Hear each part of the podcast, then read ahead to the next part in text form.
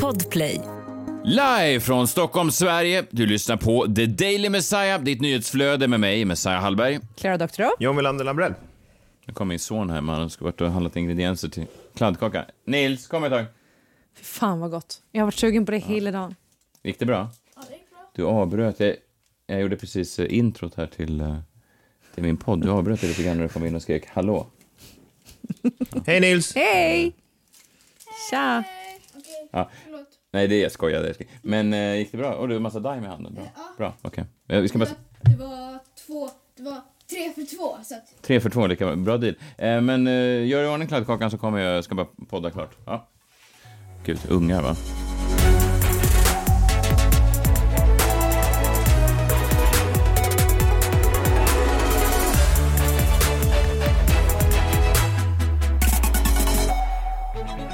Jag är inne på 43 timmen av min fasta nu, jag är helt snurrig.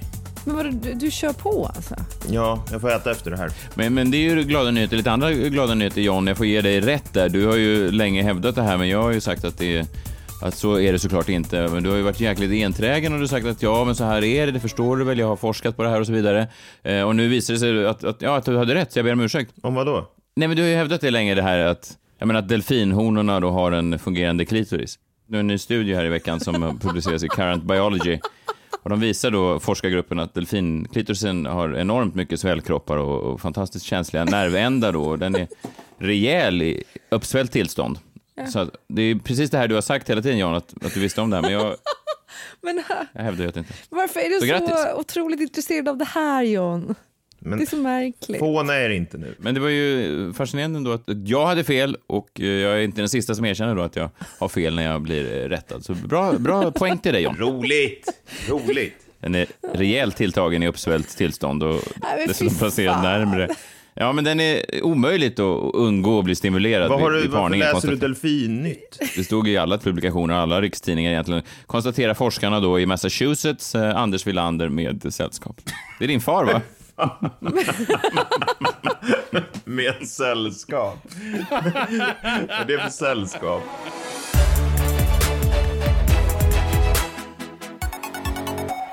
Ja, det är torsdag. Hur mår ni? Känner ni er friska? Så här? Ja, men jag känner mig helt okej. Jag, jag känner mig bara lite besvärad för att eh, då min tioåring ska börja på sån här eh, pingis idag.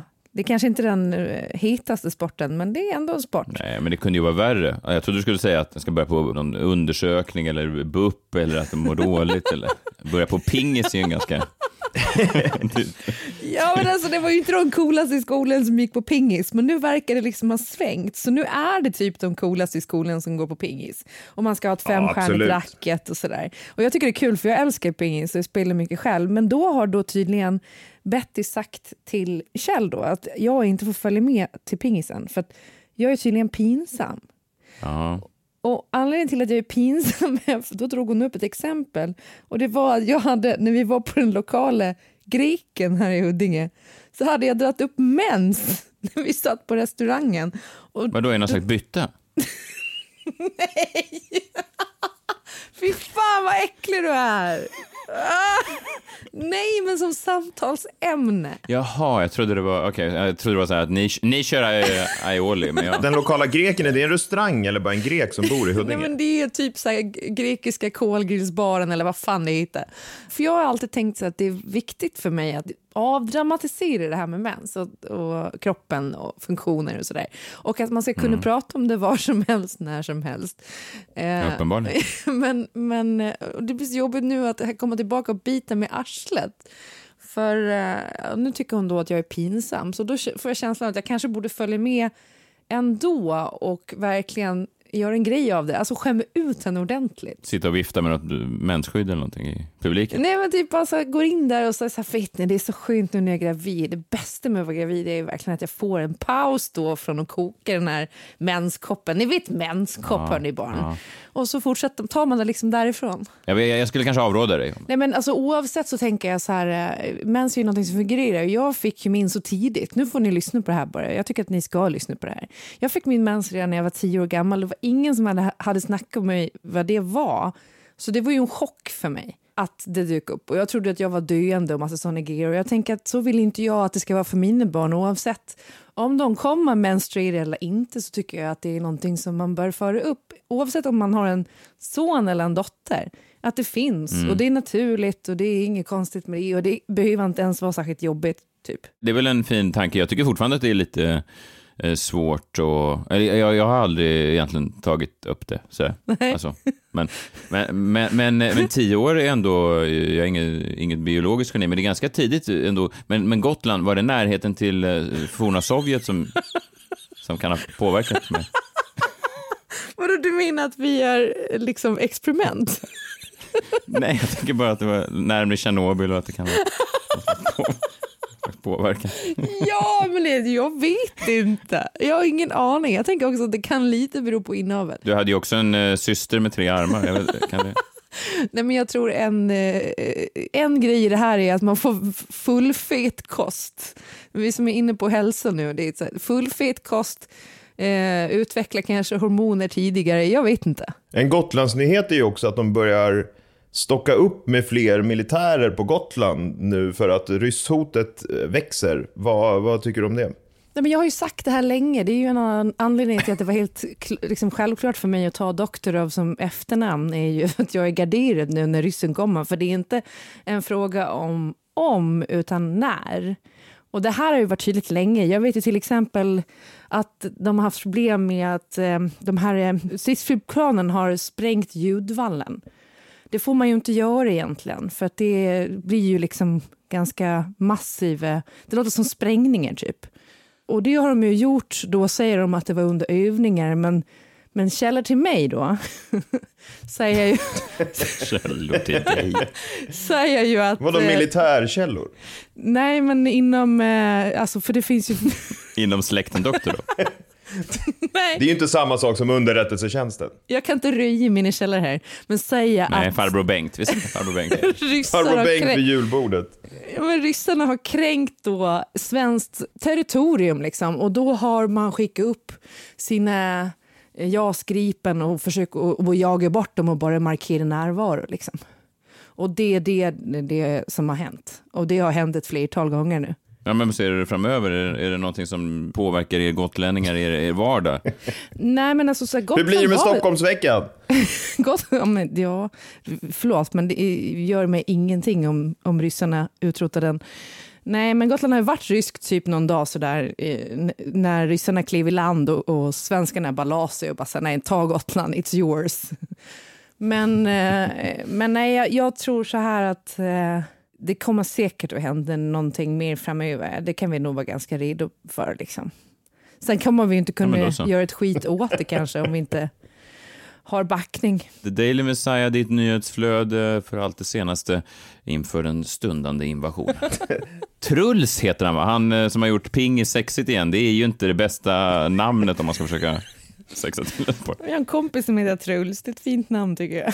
Ja, jo, verkligen. Men jag menar just att, du förstår, menar att man säger så här, nej, det är inte, det är inte töntigt med pingis längre. Nu, nu har vi ett nytt affischnamn. Välkommen in, Truls. Han är ju duktig såklart. Men... Ja, verkligen. Men jag förstår precis vad Direkt du menar. från Trolltyg i Tomteskogen.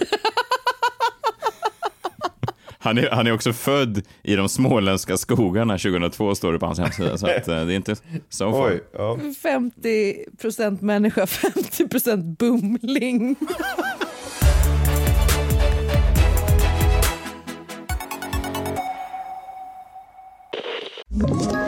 Ett poddtips från Podplay. I fallen jag aldrig glömmer djupdyker Hasse Aro i arbetet bakom några av Sveriges mest uppseendeväckande brottsutredningar. Går vi in med hemlig telefonavlyssning och, och då upplever vi att vi får en total förändring av hans beteende. Vad är det som händer nu? Vem är det som läcker? Och så säger han att jag är kriminell, jag har varit kriminell i hela mitt liv men att mörda ett barn, där går min gräns. Nya säsongen av Fallen jag aldrig glömmer på Podplay.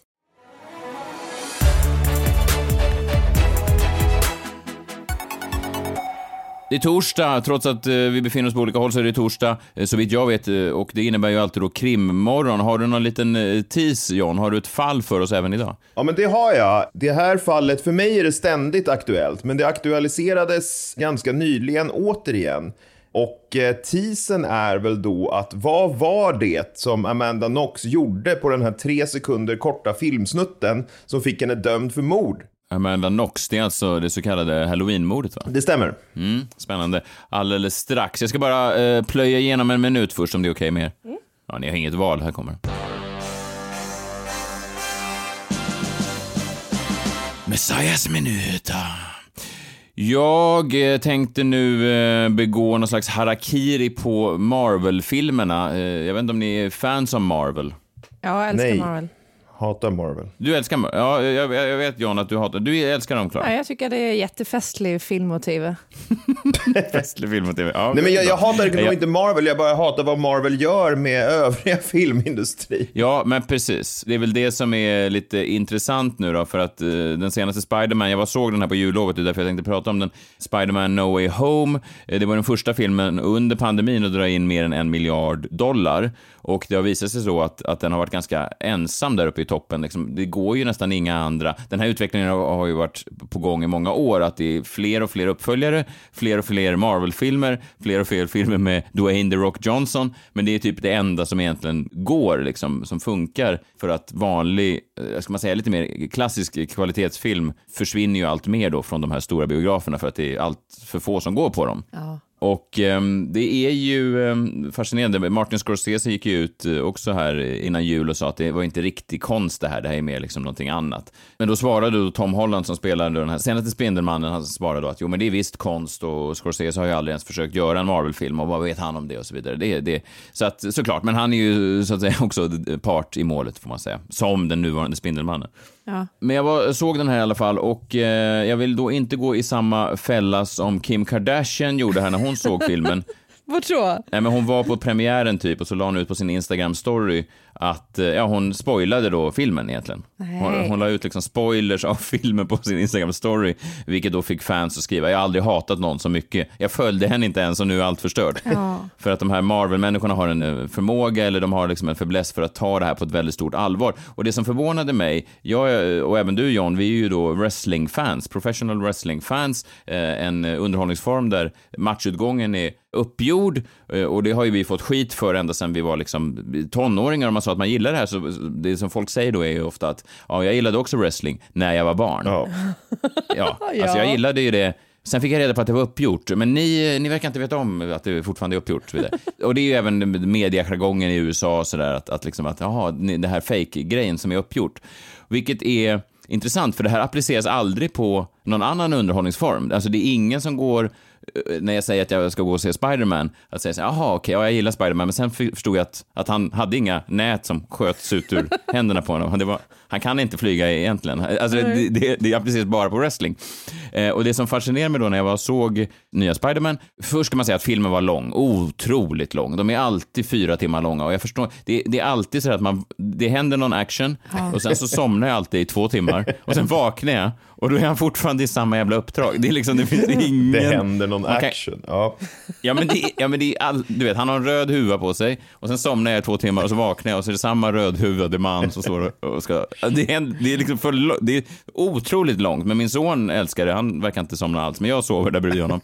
Och, nu- och nu kommer spoiler-alerten och det var här det Kim Kardashian fick eh, folk att rasa på. Så att om ni inte har sett den och har tänkt att se den, om ni är någon slags Spider-Man-head eller vad man nu kallar sig, en Marvelista eller vad man nu kallar sig, stäng av då, eller spola fram fem minuter.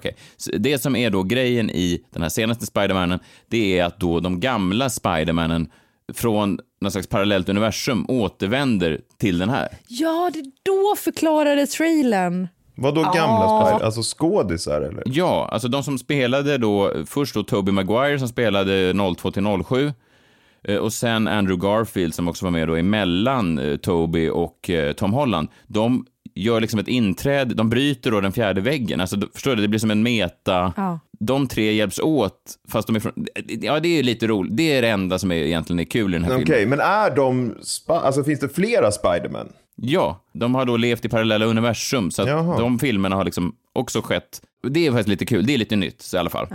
Men det som fascinerade mig, jag såg det här som en svensk biosalong, juldagarna i Stockholm, och då först när eh, Andrew Garfield, eh, då den här eh, andra Spidermanen, dyker upp, när han tar av sig sin huvud och det visar sig att det är han, publiken säger wow!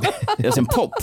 Ja, Det är en pop. det skulle jag också ha gjort. Alltså det som man då i wrestling kallar för en pop, alltså när publiken bara emotionellt investerar sig i ögonblicket och glömmer att allting är skrivet och att man bara reagerar som ett barn. Ja. Och sen då, när jag tror att det inte kan toppas, då visar det sig att det kommer en ny Spiderman, masken åker av, det är då Tobey Maguire och då börjar folk applådera, tjuta och vråla i salongen. Jag hade börjat gråta. alltså, absolut. Jag menar bara att det är så absurt att samma människor som har hånat dig och mig John i, i decennier Ja, jag vet. Sitter nu och skriker av glädje när någonting som är ännu mer fake. Det, det var så absurt för mig. Jag såg dem i ögonen. Jag sa, det är ni era jävlar som har suttit och dömt mig i alla år. Och nu sitter ni här och poppar till att någon tar av sig luvan i en Spiderman-film. Jag blev vansinnig. Ja, jag förstår det. Och det var vuxna som poppade, inte barn. Ja, ja, ja. ja, ja, ja. Till och med när vi var i, jag och John var i Miami för eh, tio år sedan, så var vi på ett lyxhotell, vi bodde där, och då kommer det in en, eh, vad vi misstänker är ett basketproffs. Dwayne Rock Johnson gör sin comeback till wrestlingen den kvällen. Jag och John har varit där och sett det. Det är The Rock mot John Cena. I alla fall, ja, då ska vi in i hissen samtidigt, eh, jag och John och det här basketproffset. Han säger så hey guys, what are you doing in, in, in town? Och då sa vi, vi har varit här för att se WrestleMania. Han sa, ah, all right. I used to like that when I was a kid, but then I found out it was fake. Hånade. Och jag och John tittar på varandra och bara, oh yeah, yeah, all right, yeah, we still, we still like it. What do you mean fake, sa du? Ja, men, men sen, det konstigaste av allting hände då, när vi åkte upp hissen och precis innan han går ur hissdörren så ställer han ändå frågan som har då fascinerat mig sen den där dagen i, i april 2012.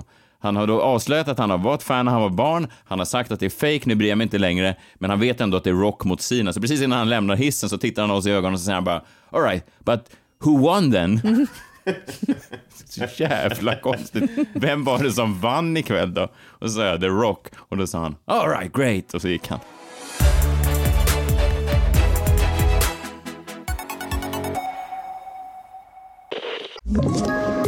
Ett poddtips från Podplay. I podden Något Kaiko garanterar östgötarna Brutti och jag, Davva, dig en stor dos skratt.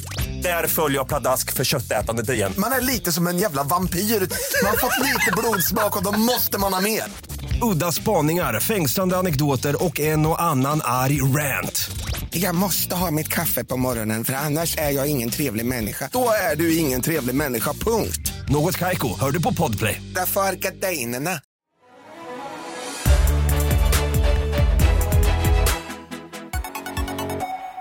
Torsdag och då har vi fått hit honom till studion, eller ja, han är väl i för sig eh, alltid, alltid här, men det är en av Sveriges främsta krimexperter. Han är min vän, han heter JVL och det är dags för det här.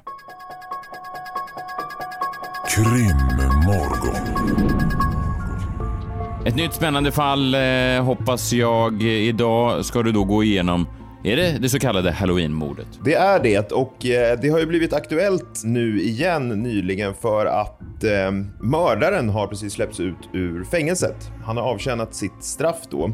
Hans namn är Rudy Guede. Han har avtjänat 13 år av sitt 16-åriga straff den här vintern och nu har han alltså också släppts fri. Det är otroligt ju att han nästan är anonym, alltså den mördare som faktiskt har dömts av en, en domstol, den enda skyldiga i den här soppan, eh, om man ska gå då enligt domstolen eller efter domstolen, är nästan anonymiserad om man jämför då med de här andra personerna. Ja, verkligen. Alltså, han, är ju döm- han är den enda som är dömd i domstol, men det är ju andra som har blivit dömd då i eh, massmedia och i allmänheten, stora delar av allmänhetens medvetande. Hon blev väl dömd? Hon blev dömd först och sen blev hon släppt. Ja, så hon precis. är både dömd och, och friad och samtidigt inte friad alls. Samtidigt så lever hon ju fri men ändå inte fri och så vidare. Men vi, vi, vi, Ja. att han har släppts ut nu har ju lett till då att den här kvinnan, Amanda Knox, nyligen gick ut på sin Twitter och uppmanade mördaren Rudy Guede att rentvå hennes namn. Alltså nu, hon menar ju så här, nu är han, du är fri nu. Säg bara att jag inte hade med det här att göra liksom. Och jag skulle gärna vilja eka hennes eh, tweet här, för att trots att en mördare blev dömd så har Amanda Knox i många sammanhang ändå pekats ut som delaktig i mordet. Varför har hon blivit det? Jo, det är på grund av vad hon gjorde i en några sekunders kort filmsnutt som kablades ut över världen. Men vi tar det från början då. För att i efterhand så låter det ju som en tonårsfantasi som förvandlades till en fruktansvärd mardröm kan man säga då. Det var ju den amerikanska utbytesstudenten Amanda Knox och italienaren Rafael Solecito som hade blivit blixtförälskade i varandra och spenderade några intensiva dagar tillsammans då eh, 2007. Det var en väldigt kort tid de hade varit ihop alltså. alltså ungefär lika kort som arge snickarens stubin. 20-åriga Amanda Knox hade lämnat tryggheten hemma i Seattle för att plugga i Perugia, Italien och arbetade deltid på baren Le Chic som på den tiden ägdes av färjan Håkan.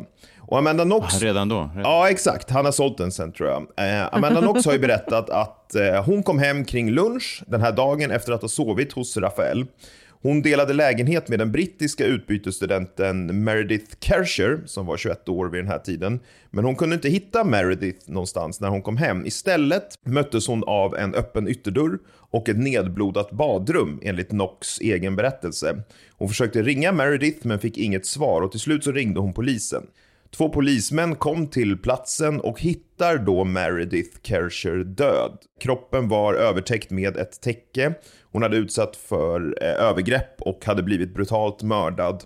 Italiensk polis menade att mordet var extra brutalt eftersom Meredith lämnats att förblöda till döds. Och snart hade händelsen fått stor uppmärksamhet i hela världens media.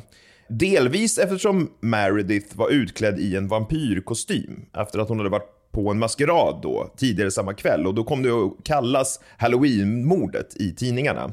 Och jag menar tidigare hade det mest dramatiska som hänt på Halloween varit när Jockiboi dykt upp på en Halloweenfest i blackface. Joakim Lundell. Joakim Lundell. Ja, just det. Så det är klart att ja, det blev en grej. Media gillade det här. Åh, Halloween-mordet. Polisens misstankar riktades snart mot Amanda och Rafael. För de ansågs ha betett sig underligt när de då bara timmar efter mordet gjorde någonting som fångades på video. Och jag vill hävda att det är här, i den här korta videon utanför mordplatsen, som Amanda Knox döms i allmänhetens ögon. Jag tänker vi kan lägga upp den videon på vår Instagram, at Daily Messiah, så får man titta på den. Eh, jag återkommer till den också. På mordplatsen så hade polisens tekniker hittat DNA som knöt paret till platsen, alltså Amanda och Rafael. Och det var ju kanske inte så konstigt då med tanke på att Amanda bodde där. Men det här användes i alla fall emot dem. Men det fanns också en massa DNA från en annan person. Och via obduktionen av Meredith så hittades tecken på att hon hade haft sex med en man, Rudy Guede. Eh, en man som var känd för att ha gjort inbrott i kvarteren kort innan hon dog då och hans DNA hittades. Den här Rudy greps ju då och erkände att han hade haft sex med Meredith men hävdade att en annan man hade mördat henne när han var på toaletten. Okej, Ja, det- som man brukar. ja. Det är jobbigt att det hände. Ja, exakt. Man ska bara på toa och sen. Men det hjälpte inte utan han, han dömdes mot sitt nekande. Men rättegången mot Rudy samlade på långa vägar inte så mycket uppmärksamhet som de mot Amanda och Rafael som inleddes i januari 2009. Den lilla rättssalen var så full av reportrar från världens alla hörn att ett par journalister fick sitta vid försvarets bord för att få plats. Eh, bland annat Aftonbladets Tobbe Ek vars keps tog upp halva rättssalen. Ja, det är så jävla typiskt att han ska in med den hela tiden just i rättssalar, för man tänker att det, man borde spara plats istället för... Ja, men han kunde ju tagit av sig kepsen kanske, men det gjorde han inte. Ja, men det är ingen, ingen som har sett honom Nej, utan keps jag tror inte någonstans. att det finns. Polisens teori var i alla fall att mordet på Meredith var resultatet av en sexlek som gått fruktansvärt fel och medierapporteringen hade centrerats då kring Amanda Knox och hennes sexliv. För tidningarna hade hittat hennes MySpace-konto. Och för er som inte vet vad det är så var det en sociala medieplattform eh, som TikTok ungefär fast där allt såg ut och lät för jävligt. Ja, det gjorde det verkligen. Ja men om man minns MySpace, fan vad, liksom, vad mycket skitljud man har lyssnat på på MySpace. Och där på MySpace så kallade Amanda Knox sig själv för Foxy Noxy. Något som tidningarna sen döpte henne till. Alltså det är ungefär som att man skulle kalla Bianca Ingrosso för Burlesca Bianca eller något sånt där. ja men alltså det det ja, Ja. ungefär. Och även om Burlesca Bianca då skulle vara ett etablerat eh, namn för henne så är inte det... Jag skulle ju inte hävda att det är en eh, garant för att man är en eh, skyldig i en, i en, i en mordrättegång. Nej, in- inte enligt dig nej, men enligt tidningarna så såg Nej. de ju eh, liksom den italienska åklagaren och då italienska tidningar och också brittiska tidningar, för Meredith var ju brittisk, eh, mordoffret alltså. De gillade ju det här, Foxy Noxy, att hon var liksom en mansslukerska. Någon slags femme fatale med en engelsk ansikte och djävulens ögon, typ. Tidningarna kom ju också över hennes dagbok som de publicerade där hon skrivit om sina sexpartners. Just det, det är så sjukt ju. Ja, och både Amanda och Rafael nekade ju såklart, men de dömdes ändå. Egentligen utan bevisning och allt som fanns var ju egentligen den här videon. Och vad gör då Amanda på videon? Hon, Alltså, hon kysser sin kille Rafael på ett, Ja. ja. vad media menar är ett sexuellt sätt. Och det här sker ju då precis när hon, hon fångades ju av en tv-kamera, Eh, en, en nyhetskamera när hon då står utanför huset och polisen precis har hittat Meredith. Så hon har ju precis fått reda på att Meredith har dött och eh, då kysser hon sin kille Rafael och det här tyckte ju då både åklagaren och media var väldigt suspekt. Mm, det är också så märkligt, för jag tycker när man ser den kyssen så är det så här, eh, det är ju liksom, de är uppskakade och det är typ så här, hon söker trygghet. Det tycker jag det ser ut som. Ja, vi lägger upp den på uh, at the Daily Messiah, men, men eh, verkligen, det är ju inte, det är inte så att man sitter och tänker att man bevittnar någon slags Nej. Ja, men det, det är ju det som både åklagaren och media hävdade då, att det här ser ju, deras kyss ser sexuell ut på något sätt. Och att det kan bara tyda på att ja, hon var inblandad i det här som någon slags sexuell, jag vet inte, lek. Än så länge är bevisläget väldigt svagt. Får man säga. Exakt. Och eh, efter flera överklaganden och ytterligare rättegångar så frias Amanda och Rafael till slut eftersom, precis som du säger, det finns liksom ingen bevisning riktigt. Men hon är ju fortfarande dömd i mångas ögon, speciellt i italienska ögon. För det här kommer lite en, en anekdot. För jag dejtade en italiensk tjej för många år sedan. Ja. Skrytmål. ja, men, och då när jag satt på någon så här släktmiddag eh, så frågade jag, tror ni Amanda Knox är skyldig? Och då tittade alla på varandra först och sa si. Vilken inblick i det italienska uh, lynnet. Ja. Men, men var det här, började du, var det här första gången du träffade då hennes Ja, precis. familj? Och din första fråga är, eh, mi chiamo John, so, do you think... Ja, men vad, ska jag ganska- fråga, du? Vad, ska jag, vad ska jag fråga om pasta? Var det här samma middag som en av hennes italienska farbröder kom fram till dig och sa So John, do you like rock and music? Ja, Giuseppe. Det var hans fråga. Och jag frågade, so Giuseppe, do you think Amanda Knox is guilty? Wow, vilket möte mellan den svenska och italienska kulturen. Ja, och eh, när alla sa si då, då blev jag ju lite, ja, men lite upprörd. Jag sa ju, hon är ju fria, det finns ju inga bevis. Och då sa de så här, well, eh, she's a guilty of something. alltså, något är hon skyldig till. Det var precis så de sa. Och jag fattade liksom inte riktigt vad de menade med det där. Så jag frågade liksom, vad menar ni med det? Och då sa de bara, that's the one spicy meatball. Oj, de bytte där. Ja. Ja, det kanske är något uttryck för, jag vet inte. ja, det kan det ju vara i och för sig. Jag, jag kan inte så mycket mer Så jag blev liksom inte så mycket klokare av det. Eh, men det här verkar i alla fall fortfarande vara någon slags allmän uppfattning om Amanda Knox i Italien och i England, trots att hon är helt friad. Men där slutar då historien om Halloween-mordet. Det borde ju inte vara en historia om Amanda Knox, för hon hade ju ingenting med det här att göra. Och när hennes mördare nu är släppt så tycker jag att vi ska skänka en tanke till Meredith Kersher, mordoffret som fick sitt liv avslutat alldeles för tidigt. Ja, verkligen. Matt Damon han gjorde väl en film relativt nyligen som handlade om just det här mordet. Där han var då pappan som skulle försöka få sin dotter friad. Hon hade hamnat i typ ett eh, fängelse utomlands för ett mord. Och sen i slutet av allt det här så insinuerar de att dottern ändå var skyldig och hade ja, men, eh, typ bett eh, den här mannen att mörda rumskompisen som också var hennes liksom, kärleksintresse. She's guilty of something. I köp, exakt så. Ja, men det säger ganska mycket tycker jag, att när man skriver en Hollywoodfilm så är ju det det mest dramatiska slutet att ha. Och det är därför massmedia fungerar ju väldigt likt då. Att så här, den här storyn om fem fatalen, Amanda Knox som får män att göra vad hon vill, att mörda eh, andra Ja. kvinnor och så vidare. Den historien är så pass kittlande att man väljer att berätta den istället för sanningen.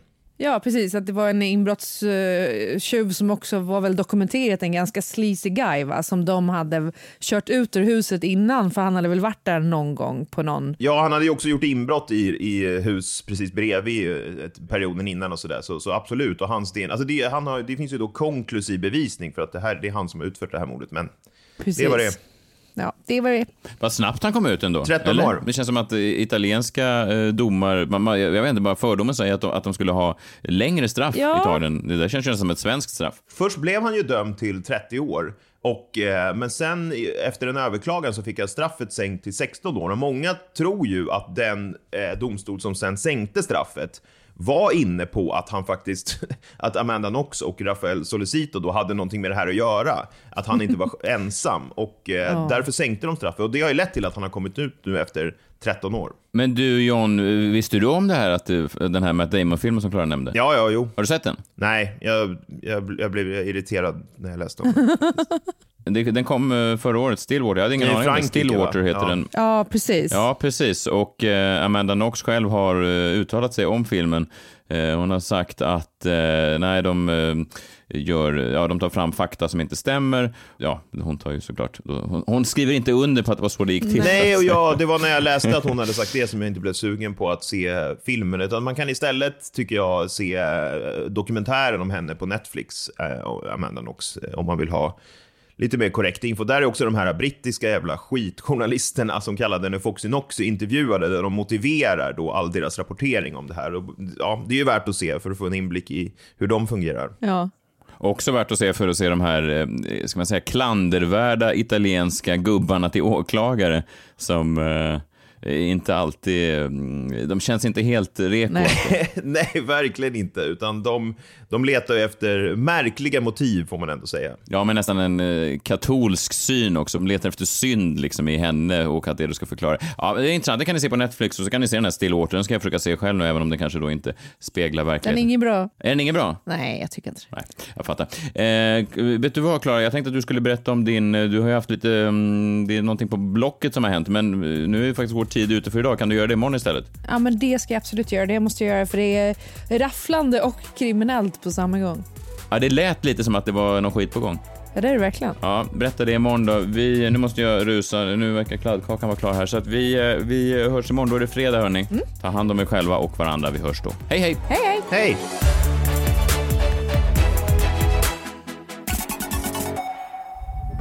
Podplay, en del av